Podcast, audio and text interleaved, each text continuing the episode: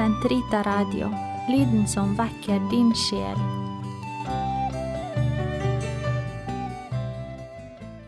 Den katolske kirkes katekisme, uke 50, onsdag 1020 1029. Og det evige liv. Det kristenmennesket som forener sin død med Jesu død, ser den som en hjemkomst og inngangen til det evige liv. Når Kirken for siste gang har uttalt ordene om synsforlatelse fra Kristus over den døende kristne, har beseilet ham eller henne for siste gang med styrkende salving og gitt Kristus som vandringsbrød, taler den med mild forvissning.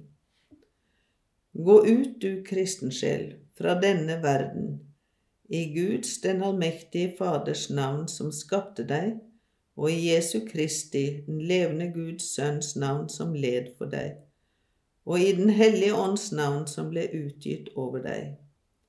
I dag skal fred være i din bolig, og ditt tilholdssted skal være i det hellige Sion, sammen med den hellige og ærerike Guds mor, jomfru Maria, med den salige Josef, med engler og med alle Guds hellige.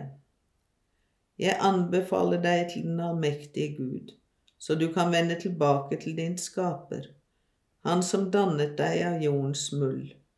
Måtte Den hellige Maria, englene og alle de hellige løpe deg i møte når du forlater dette liv. Da skal du se din gjenløser ansikt til ansikt.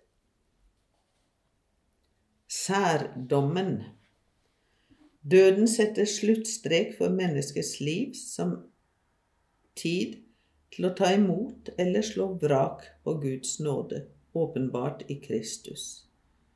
Det nye testamentet taler om dommen først og fremst i forbindelse med det siste møtet med Kristus ved hans gjenkomst, men samtidig nevner det flere ganger den lønn enhver skal få umiddelbart etter døden alt etter gjerninger og tro. Lignelsen om den fattige Lasarus og Kristi ord på korset til den gode røver, som også andre tekster i Det nye testamentet, taler om en sjelens siste bestemmelse, som kan være forskjellig for hver enkelt.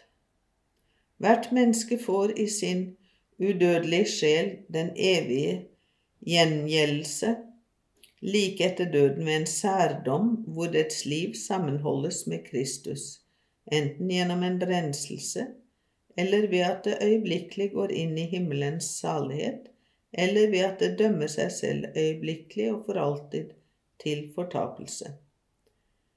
I vår livsaften skal vi dømmes etter kjærligheten. Himmelen de som dør i Guds nåde og vennskap, og som er helt renset, lever for alltid med Kristus. De er for alltid Gud like, for de ser ham slik han er. 1. Johannes 3,2 Ansikt til ansikt. Ved vår apostoliske myndighet fastlegger vi at etter Guds alminnelige plan har alle de hellige sjeler og andre troende avdøde sjeler som, etter å ha mottatt Kristi hellige dåp, det in intet var å rense i da de døde, eller etter at de er blitt renset etter døden, om det da hadde vært eller skulle komme til å være noe som skulle renses i dem.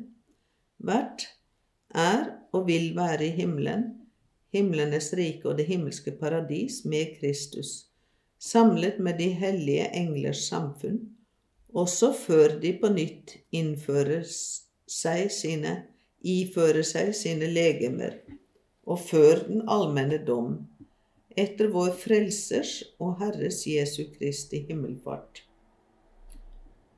Og etter vår Herres Jesu Kristi lidelse og død har de sett og ser den guddommelige væren i et beskuende syn ja, ansikt til ansikt, uten skapningers mellomkomst.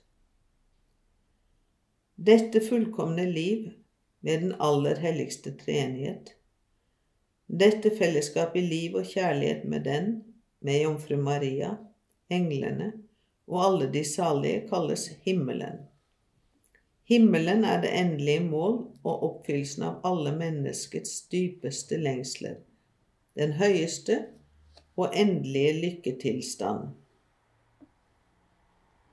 Å leve i himmelen er å være sammen med Kristus. De utvalgte lever i ham, men de bevarer, ja, de finner der sin sanne identitet, sitt eget navn. For livet er å være sammen med Kristus. Der hvor Kristus er, der er livet. Der er Guds rike.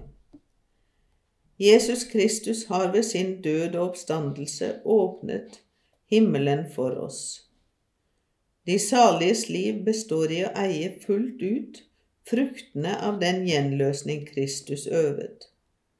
Han som gjør dem som er kommet til tro på ham, og som er forblitt trofaste mot hans vilje, delaktige i sin herlighet. Himmelen er det salige samfunn av alle dem som er fullkomment innlemmet i ham. Dette salige samliv med Gud om alle dem som er i Kristus, er et mysterium som overgår all fatteevne og alle våre forestillinger. Skriften taler til oss om det i form av bilder. Liv, lys, fred, bryllupsfest, vin i Guds rike, faderhus, det himmelske Jerusalem, paradiset. Hva intet øye har sett og intet øre har hørt, og hva som ikke er kommet opp i noe menneskes hjerte, alt hva Gud har gjort rede for dem som elsker ham. Første kor 2, 9. Fordi Gud er transcendent, kan han først bli sett slik han er når han selv åpner sitt mysterium, slik at det kan skues umiddelbart av mennesket, og når han gir mennesket evne til det. Slik å skue Gud i Hans himmelske herlighet kaller Kirken det salige syn. Hvilken herlighet og lykke skal ikke falle i din lodd å få se Gud få den ære å ta del i frelsens og det evige lysets gleder i samvær med Kristus, Herren din Gud, og nyte gledene ved å ha oppnådd udødelighet sammen med de rettferdige og Guds venner i himlenes rike. I himmelens herlighet fortsetter de salige med med glede å gjøre Guds vilje i forhold til andre mennesker og hele skaperverket.